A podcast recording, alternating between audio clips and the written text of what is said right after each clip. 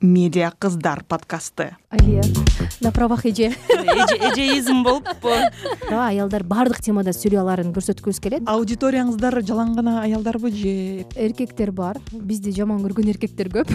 А эмнеге биз унчукпай отура беришибиз керек а биздин укуктарыбызды тебелей берсе? Эже сиңдилеринин жеке баракчасы жок. Бар.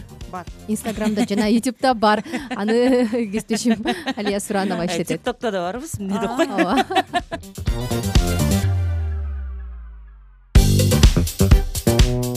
салам. Менин атым тынымгүл эшиева. Бул медиа кыздар подкасты. Бүгүнкү эпизоддо эже сиңдилер азаттыктын долбоорунун алып баруучулары алия суранова жана айгерим акылбекованы чакырдым. Биринчи суроом бүгүнкү кыргызстандын жаңы медиаларына кандай мүнөздөмө берет эле бул эмне башталдыбы уже? Это репетиция. Биз көнүп калыптырбыз да өзү суроолорго берип эле.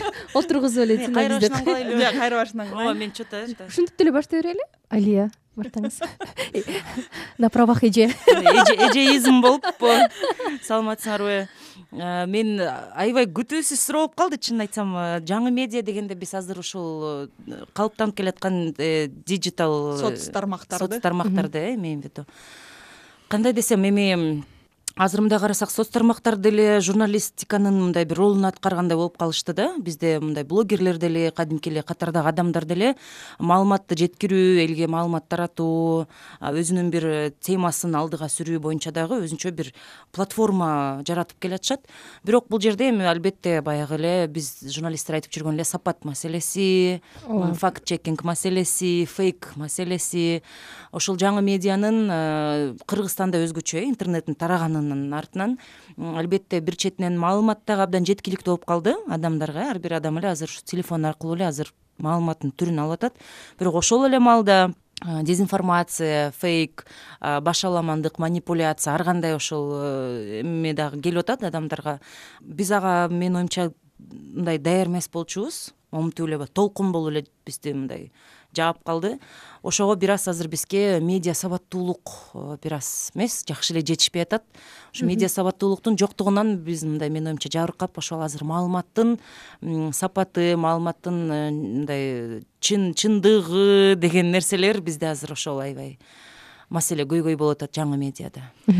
Жаңы медиа деген теманы улай эле мен азаттыктын мисалын да айтып бергим келип турат. Анткени мен азаттыкка салыштырмалуу анчалык деле узак убакыттан бери иштебей элемин. Бирок ошентсе дагы дал ушул э, биздин баягы салттуу медиадан жаңы медиага өткөн учурунда бир кайра бир башынан журналистиканын башка багытын үйрөнгөн учурда иштеп калдым деп айтсам болот. Себеби мен өзүм ушул журналистика кесибинде окуп теориялык жактан окуп келген киши катары бир эсе таң калуу менен кабыл алдым бул процессти. Анткени азаттыктын телепрограммалары ушул ктр сыяктуу телеканалдардан иштеп жатып анан биз башка каналга көчүп жатканыбызды дагы баннерлерге жарыялап кыскасы салттуу медианын күчүн мындан бир нече жыл мурда эле абдан баса белгилеп турчубуз да. Андан кийин биз ютубка өттүк. Биз демек телеканалдан башка дагы ютубка дагы биз аудитория топтой алабыз деп жаңы ушул медиага кадам таштаганыбыз ютуб болду. Андан кийин инстаграмга өтүп жатканыбызда ошол инстаграмда биздин смм боюнча адисибиз. Эмиль чекеров экөөбүз биринчи азаттыктын баракчасын ачканбыз ал менин баракчамдын жеке баракчам менен кошо бирге ачылган процесс болчу. Абдан бул беш жыл болуп калды.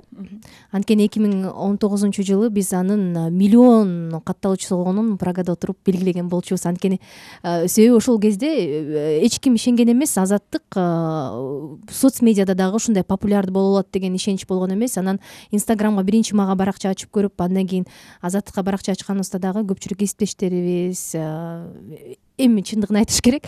Бул абдан бир мындай сары маалымат э желтая пресса деп коебуз сары прессага болгон аянтчада кантип азаттык андан өзүнүн бир аудиториясын алып алат деп айткан бирок бир нече жылдан кийин миллион азыр эки миллиондон аштык. Анан ушинтип отуруп биз ушу э, диджитал бир форматка инстаграм ютуб аркылуу кирип келдик да. Эже сиңдилеринин жеке баракчасы жок. Бар бар. Инстаграмда жана ютубта бар. Аны кесиптешим алия суранова Э, иштетет. Тиктокто да барбыз эмне деп кой? ооба. Биз деле мындай кетип атабыз ошол менен эле багыт менен эле. Э, бирок биз э, менин оюмча бир аз кечигип атабыз да артта калып атабыз. Көп көпчүлүк жаш мындай эми мындай шамдагай медиаларданчы кичинекей баягы бизде медиалар көп го азырчы жанагы эле баштан башта сыяктуу мисалы. Ооба. Алардын баягы жамааты кичинекей өздөрү да жаш болуп мындай бат бат процесстер жүрүп жатат. Бизде эми албетте чоң корпорация болгондон кийин андай процесстер жайыраак жүрөт.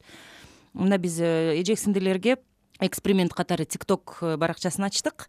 Ал жака мен кыйналып жүдөп өзүмдү аябай картаң сезип атып бир тикток видеолорду тартам. Эксплейнер форматында анан биздин келген коноктордун эксперттердин сүйлөгөн эмелерин кесип кесип видеолорун чыгарып атабыз азырынча. Бирок албетте мен аябай сезип атам өзүмдүн чындап эле ошол курагыма ка- каратабы же эмне бул мен азыр эле чын- чындап эле жаштардан э, бир топ эле артта калып кетиптирмин мисалы бир менден эле бир беш он жаш кичүү балдар кыздардын тиктоктогу аң сезими жүрүш турушу таптакыр башкача да алардын табигый кабыл алуу эле отурган жерден элечи. Мындай чай ичип отурган жерден эле бир эки эме кыла калып эле бир төрт беш видео киргизе калышат да. Мен бир эжесиңерге тикток жаратыш үчүн айланайын. Моралдык жактан психологиялык жактан маалымат жактан э, бир жума даярданып атып аны дагы эки күн монтаж кылып атып ары аң чыгарам да. Мен үчүн мындай бир азырынча билбейм кө- көнөмбү же көнүп кетпеймби азырынча мындай оор процесс болуп атат да. Аудиторияңыздар жалаң гана аялдарбы же эркектер да барбы анализдедиңиздер беле. Эркектер бар. Бизди жаман көргөн эркектер көп биздин туруктуу көрөрманыбыз бар. Биз аны аябай жакшы көрөбүз. Ар бир берүүбүзгө эже жиндилер деп жазат. Ооба. Ал жазбай калса биз кадимкидей сарсанаа болобуз кабатыр болуп бир эки программа жазган жок э. Жазбай калды. Жазбай калды. Ушу эгер угуп жатса бизди кайра көрүп жазышын суранабыз. Эми бул тамаша иретинде бирок басымды бөлүгүн биздин негизги фокусу ооба дегенде аялдар жөнүндө программа анан аялдарга арналган деп ойлошкон ушундай бир аянтча түзүп берели дегенбиз. Аялдар туурасында сүйлөгөн аялдарга бир мотивация болгон деп.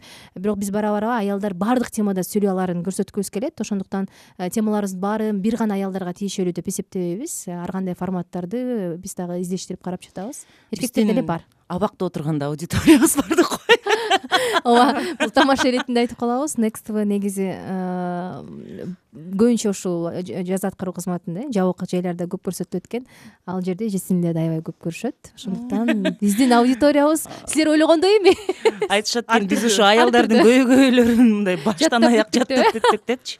Бирок эмне кызыгы мен баягы өткөндө медиа коомго барганда э, чыгып кетип баратсам жаш эле балдар он алты он жетидеги эле балдар экен. Ушул мектепти бүтүп атабыз дейт.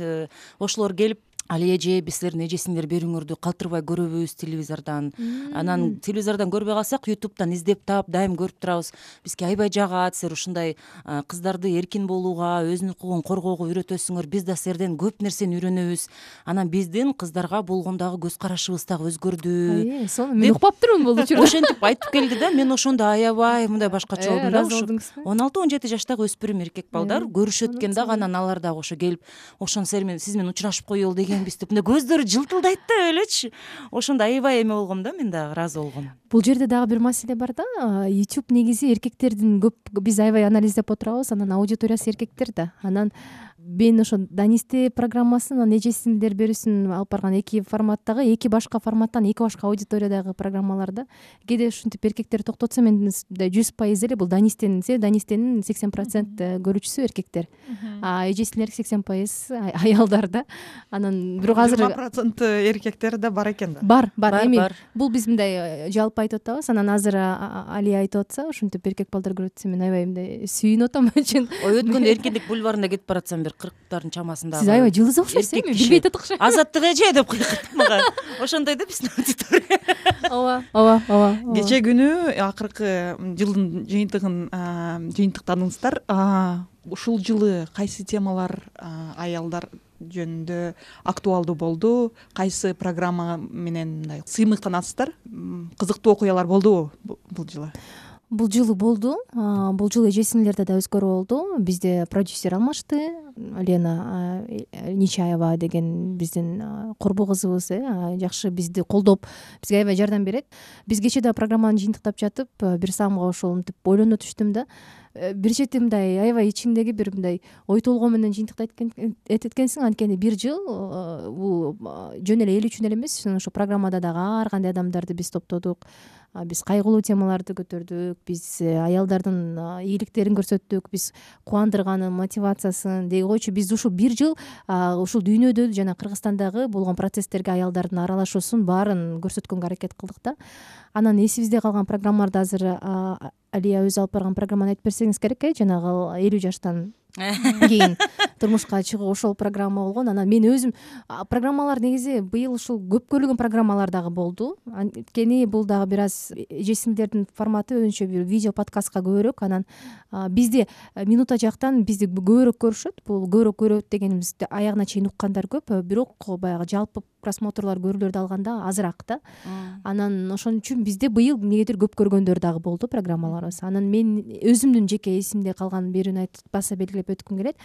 Биз ушул эгемендик күнүнө карата отуз биринчи августка карата дээрлик отуз жылдан бери жанагы челнок аялдардын жашоосун көрсөткөн эки дордойдо иштеген айымды алып келип чакырганбыз. Анан ушул берүү туурасында аябай көп фидбек уктум анткени ал берүү жанагы базарчы аялдар деген стереотиптердин баарын четке каккан берүү абдан акылдуу абдан эмгекчил абдан иштерман ошол кездеги ушул кыргызстанды мындай көтөрүп кеткен айымдардын келип сүйлөп берген. Мен өзүм дагы мындай кичинекейимде бала кезде базарда көп иштегеним үчүн ата энем дагы миграцияда ошол соода тармагында болгон үчүн мен үчүн өтө мындай сезимтал тема болду. Анан балким ичинен биргенге мен ушул теманы көтөрүп айтып бергим келчү да. Анткени мен өзүм апам дагы дарыгер сегиз жыл окуган украинада билим алган. Бирок ошол советтер союзу тараган учурдан кийин тилекке каршы ал да көпчүлүк аялдардай болуп челнок болуп иштегенге аргасыз болгон эжелерим чоң энем баш болуп азыркыга чейин өзүнүн бизнестери бар. Анан бул тема мени дайыма ушу базарчы аялдар булар окуган эмес билими жок анан алар дайыма ажылдап урушат деген нерселерге мен мындай аябай өзүм дагы ичимен мындай көп кабатырланып каршы. болчумун. Анан ошол стереотиптерди мен четке кактык деп билбейм өзүмө ыраазы болом да. Бул менин жеке өзүмө дагы бир аз мындай эме жакын тема болчу да ооба азыр айгерим айтып кеткендей бул эми эң эсте каларлык болбосо дагы мындай көрүүлөр боюнча эң мындай рекорд э койгон берүүбүз ошол элүүдөн кийин э, турмуш куруу деген теманы алып чыкканбыз да. Ошол аябай кызык болгон биз ошол каармандарды алып келип ошол эжелер отуруп өздөрүнүн окуяларын айтып берип ал жакта дагы аябай көп э комментарийлерди угуп аттык биздин кесиптештерибиз дагы көрсө өздөрүнүн туугандарына эмелерди тааныштарына жөнөтүп мына көрдүңбү элүүдөн кийин деле аялдар күйөөгө тийип атат канча үй бүлөнү уруштурдуңар депчи аябай мындай бир э, элди толкунданткан бир маселе экен. Биз да ойлоп калдык чындап эле көбүнчө ошол медиада болобу тасма жаатындабы кайсы жакта болбосун биз көбүнчө ошол көп эле баягы жаштарга эме көңүл бурат экенбиз отузга чейинкилердин көйгөйлөрү э аялдар болобу эркектер болобу отуздан кийинки жашоо кырктан кийинки элүүдөн кийинки жашоо деген нерселерди көп талкуулабайт экенбиз да. Бул деле адамдын эң маанилүү бир эмеси да биз мындай жаш болсоң эле болду жаш болуш керек деп эле ушундай. Жаштыктын тегерегинде эле биз ошону мындай культ кыла берет экенбиз да. А көрсө андан кийинки темалар дагы ар бир адамдын жашоосунда абдан маанилүү мындай эме да курак. Чек жок деп э? Ооба анан мага дагы бир эстелип эсимде калган нерсе бул баягы биз жаш кыздарды чакырганбыз мектепте окуп жүргөн. Он беш он алты жаштагы кыздар келген. Ошолорго мен ушунчалык аябай суктангам да. Бизде ушундай кыздарыбыз бар экен депчи. Ошолор келип эле мындай бир бул деген дискриминация да бул деген теңсиздик да депчи ушундай сөздөрдү сүйлөшүп анан мындай болуш керек да аялдар деген саясатка да барыш керек да а эмнеге биз унчукпай отура беришибиз керек а биздин укуктарыбызды тебелей берсе анан бизди ким коргойт? деп ушундай кыздар келди да ошолорго аябай мен суктанып ичимен аябай э, сүйүнүп калдым. Мага өзүнчө бир мындай үмүт берген ушундай бир эме болду да берүү медиа кыздар подкасты сиздер активдүү жаңы медианын каармандарысыз.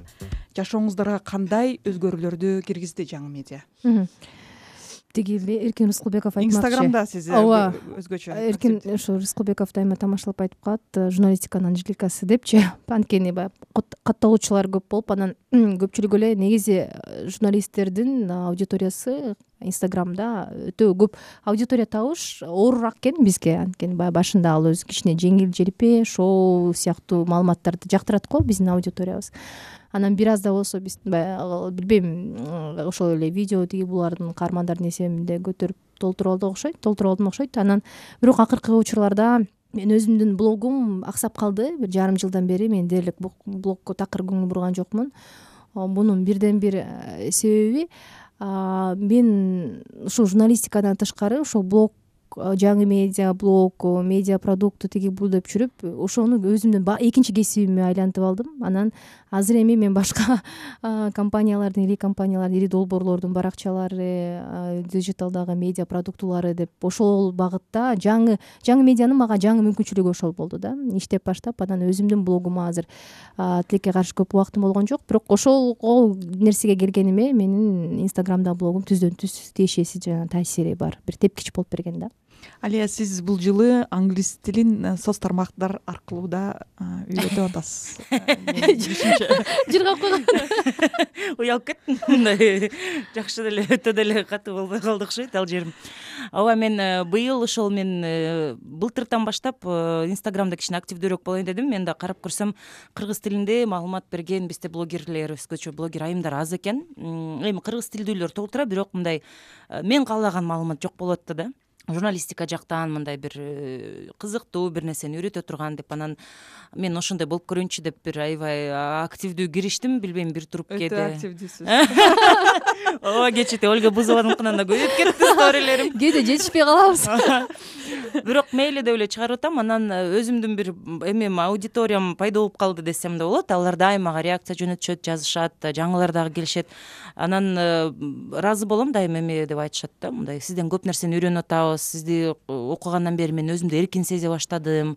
Мен көп мындай нерсеге көңүл бурбай калдым. Эле эмне дейт дегенден чыга баштадым.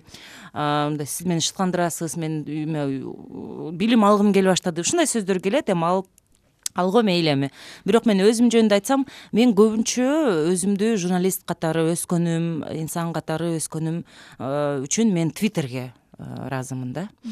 Ал жерде да көп болуш керек сиздин ал жерде алты жарым миңдей катталуучум бар бирок твиттер үчүн бул көп эле го? Твиттер үчүн көп эле анткени твиттерде катталуучу топту аябай кыйын да жүдөйсүң да кечке аттарыңызды да алмаштырып жүрдүңүз ар бир э, ооба бир жолу төрт жарым миң топтоп алып анымды тиги бир эмеге берип коюп организацияга кайра башынан баштап ошентип эле кыйналып жүрдүм го. Саттыңызбы жок ал жанагы равные права деген эме уюм болчу. Анан ошолорго жөн эле берип койгом мейли деп.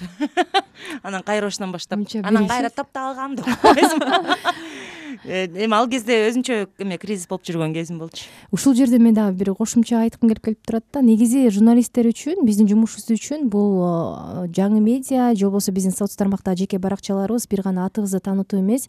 Каарман издөө э биз темалардын көпчүлүгүн ошол жактан издейбиз. Каарман мисалы данистенин сексен пайыз каармандарын ошол эле менин жеке баракчама жазышат. Биздин аудиториябыз өзүлөрү деле журналист болуп калышкан да.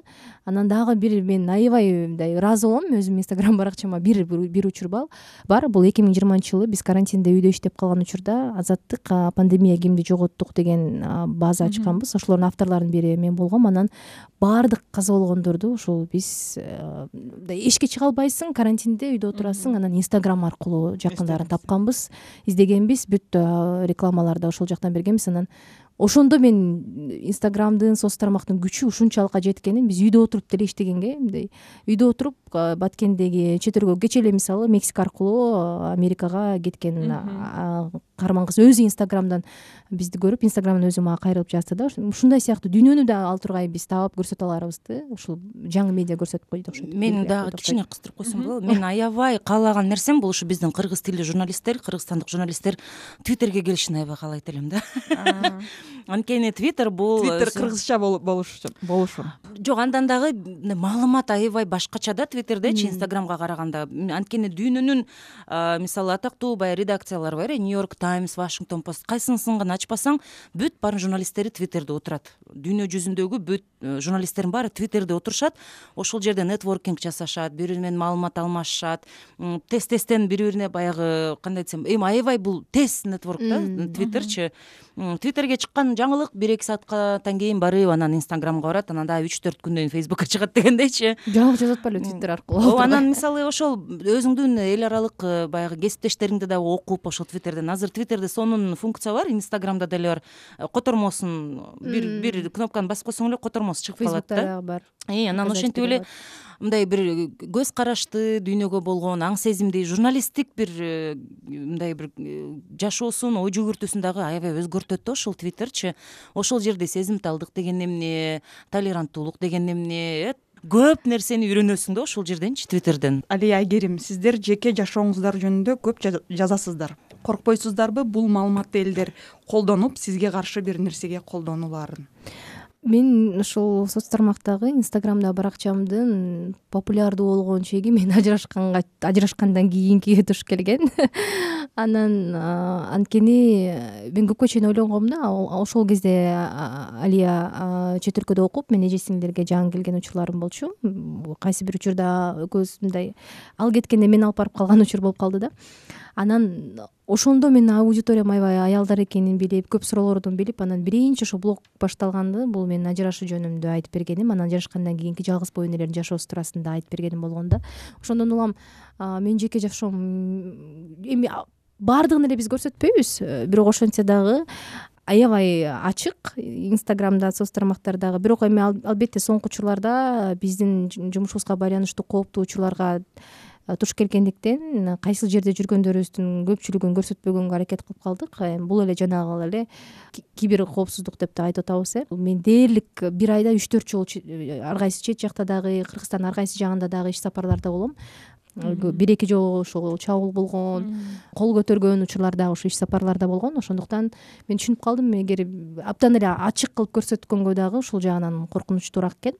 Экинчиден тескерисинче инстаграмдагы блог ошол биз болгону болгондой көрсөткөнүм менин ушул данистедеги стендаптарыма каармандар менен жүргөндө мисалы такыр боексуз эле съемкаларга чыгам да данистеде бул эже сиңдилерде студияда бизди ушул боенуп чыккыла анан жакшынакай кийингиле деген талап бар. Эми баары бир баягы теле. Мен жаман көрбөйм ооба данистеде мен тескерисинче башканын көбүнчө комментарийге менин сексен процент комментарий ушу менин жеке кебетеме дагы жазып ушинте беришет. Жактыргандар болот кээде эмнеге боенбойм мындай жүдөп деле чыга берем да. Анткени эми бул абдан карапайым эл жөнүндө программа анан өзү алып баруучу деле ошондой эле алышып жүргөнү мындай ошол нерсе деле ушул инстаграмда блогту аркылуу келди да. Мен атайлап эле жеке жашоом жөнүндө кээ бир маалыматты чыгарып турам инстаграмга. Мен аны атайлап жасайм анткени ошол аркылуу мен ошол э, мени окуп э, жаткан э, айымдарга кыздарга айткым келет өзүмдүн месседжим бар да. Мындай эл эмне дейттен коркпогула баарыбызда эле ушундай болот кыйынчылыктар. Мисалы ажырашканда деле маал болот мына кечээ деле мен отуруп тиги эме экинчи жолу күйөөгө тийбей эле экинчи баламды төрөп алдым деп эле айттым ачык эле. Мисалы аны жаап жашырганды мен түшүнбөйм да мисалы. Балким мени карап отурган айымдардын арасында балалуу болгусу келип бирок мисалы күйөөсү жок айымдар бар э? Өзү үчүн төрөп алгысы келип жүрөт.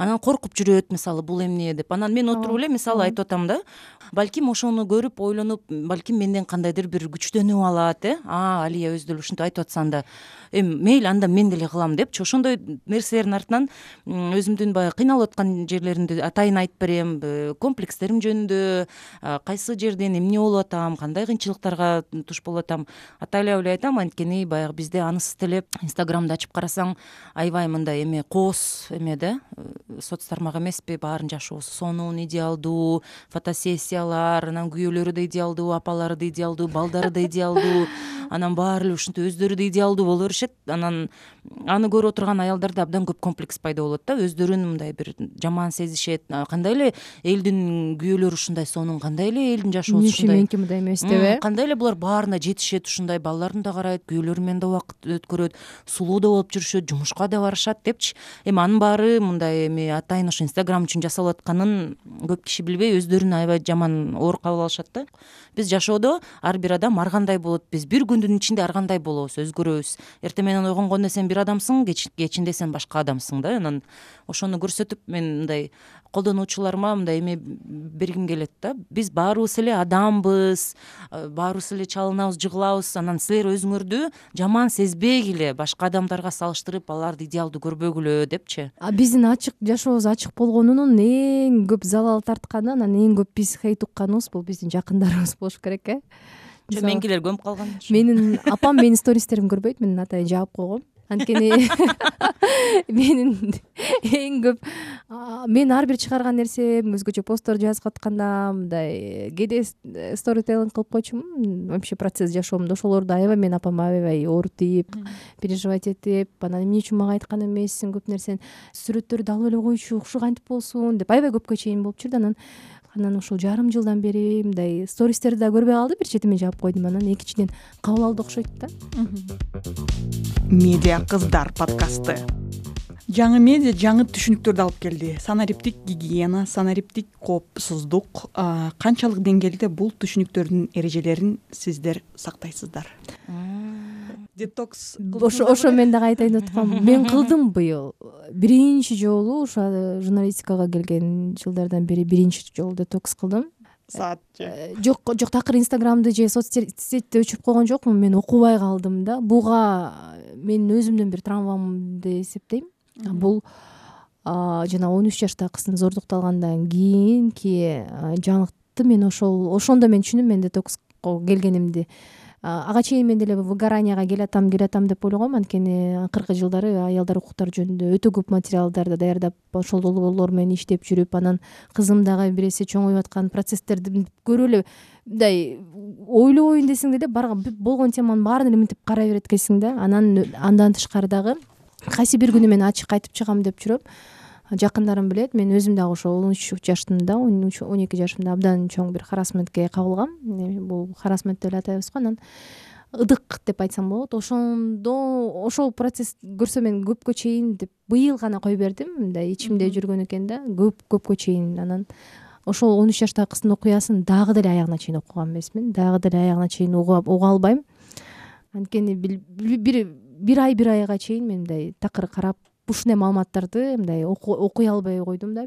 Билбейм баягы укук адам укуктары темасын чагылдырыш керек көрсөтүш керек деп айта беребиз бирок өзүң кечке ошону через себя көрсөткөндө өзүң да кайсы бир учурда мындай өчөсүңбү же күйүп жанасыңбы ушундай сыяктуу учур мага окшоп антидепрессант ичиш керек да ошого жеткен жокмун билбейм.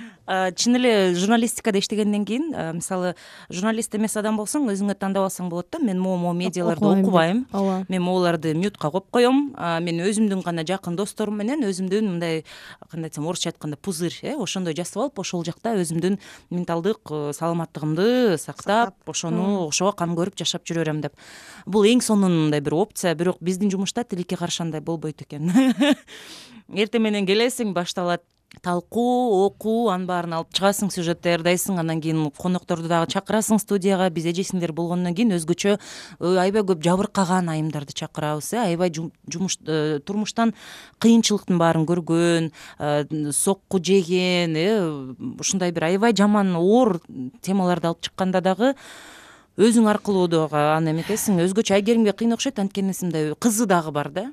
Менин ошол кызым жок болуп мен анчалык катуу кабыл албайм окшойт. Билбейм бирок баары бир аябай эме жаман болосуң анан элди да ойлойм да кечке отурупчу байкуштар дайыма эле такай эле ушул негативди окуп отура бериппизин эл дагы эмне болуп атат депчи? Бул деле баягы эле сиз айткан санариптик гигиена дегенчи анан баш аламан эле информация келе берет да бул жактан бирөө кыйкырат шок болуптур катуу айтыптыр азыр өчүрүп окубасаң өчүп калат. Батырактан кирип барып оку мушташып кетиптир анан сөгүшүп кетиптир деген бирдекелерди эл чуркап барып жабылып ошону окуйт анан аабу деп эле ушинтип мындай бир бул эме информациялык таштанды көп да биздечи аябай көп. Ошону сорттоп ылгап бул таштанды бул пайдалуу маалымат дегендей ошону дагы убактыбыз да жок ага шайыбыз да жок мындай эмне келсе ошонун баарын сиңире беребиз чындап эле азыр ар бир адамга эле кыйын болуп калды. Көпчүлүк адамдарды мен көрүп атам. Ушундай бир депрессияга кабылган адамдар жүрөт. Стресс абалында көбүн эле карасаң анткени ошо негативдүү жаңылыктарды окуй берип бизде ушундай калыптанып калат да дүйнө жүзүнүн баары ушундай бир өрт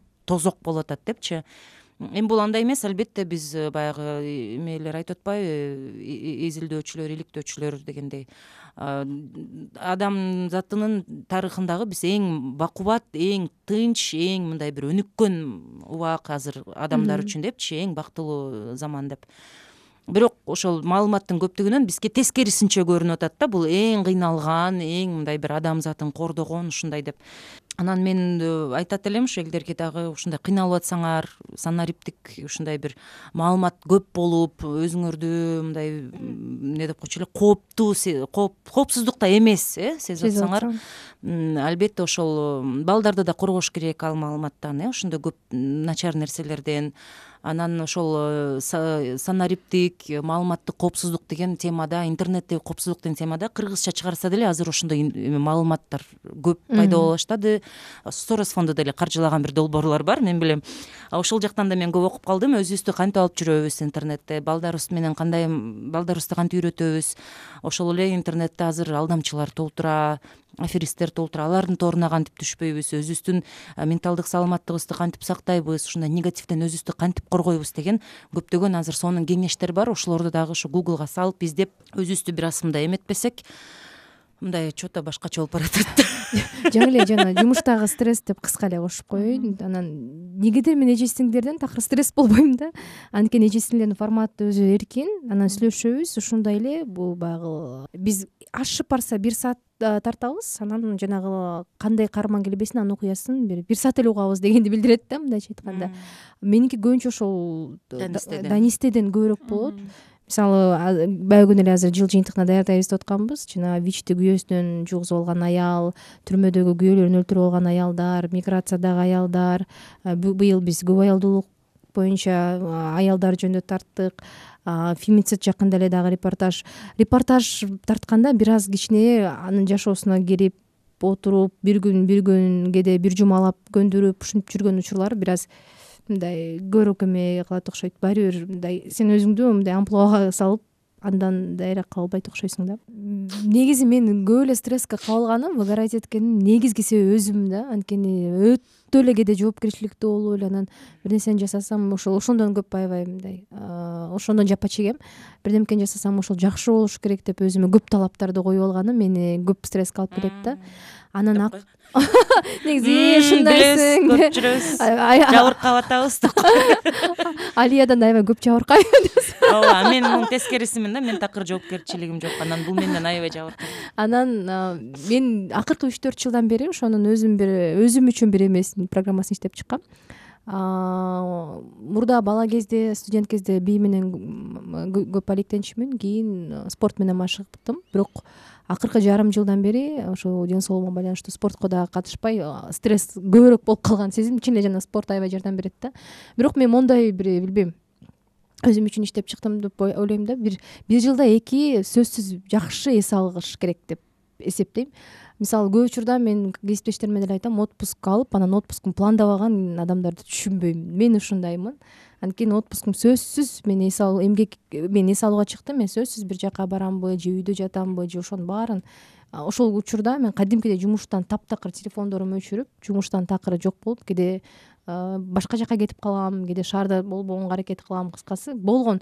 Отпуска отпускту эртерээк пландайм анан сөзсүз ага акча топтойм. Бир жыл ичинде сөзсүз ошого бир ар бир эмемди айлыгымдан болсо дагы салып топтоп анан ошол мага жардам берет да. Соц тармактардын активдүү катышуучулары катары кайсы бир аккаунттарды сиздер сунуштайт элек э сунуштайт элеңиздер аялдаргабы же жалпы элеби кыргызстандык аккаунттарбы же ар кандай го дейм чет өлкөлүктү деле кыргызча керекпи кыргызча э, кыргызча мен э, өзүмдүкүн деп койбойсузбу албетте мага катталгыла алия нижний прочерк суранова деп кой андан тышкары эже сиңдер баракчасы бар э, мен өзү негизи ошол аялдар жөнүндө маалыматты көбүнчө ошол орус анан англис тилдеринде окуйт экенмин орус тилдүү порталдардан мага вандерзин деген аябай жагат. Алар ошол аябай аялдардын тарабындагы эме да аялдарга көп нерсени түшүндүрүп беришет.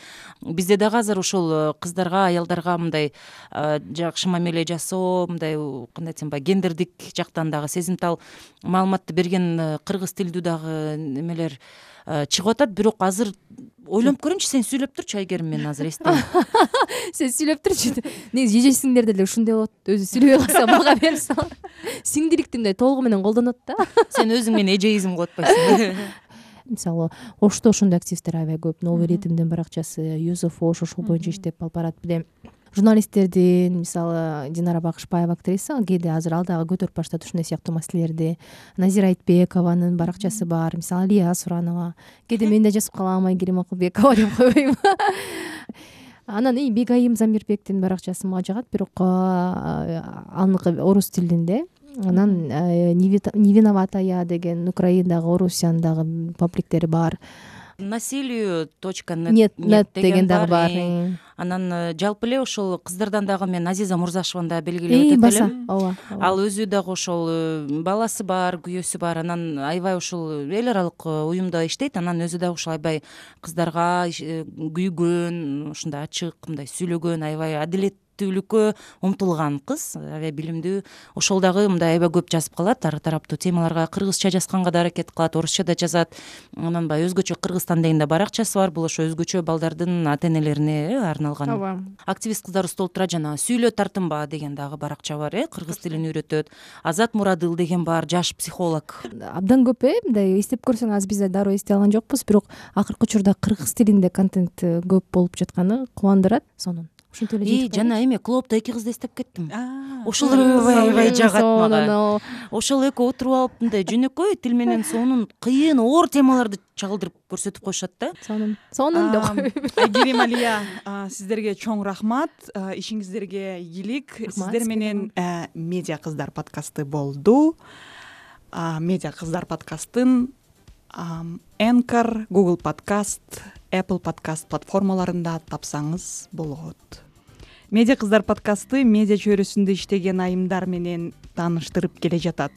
Үчүнчү сезон жаңы медиадагы айымдар жөнүндө. Жаңы медианын ролу биздин ролдорубуз профессионалдык жеке жаңы долбоорлор жөнүндө биздин аялдар жаңы медиа платформалар менен кандай байланышта жана алар биздин жашообузду кантип өзгөртүп жатат? Баары медиа кыздар подкастында. Медиа кыздар подкасты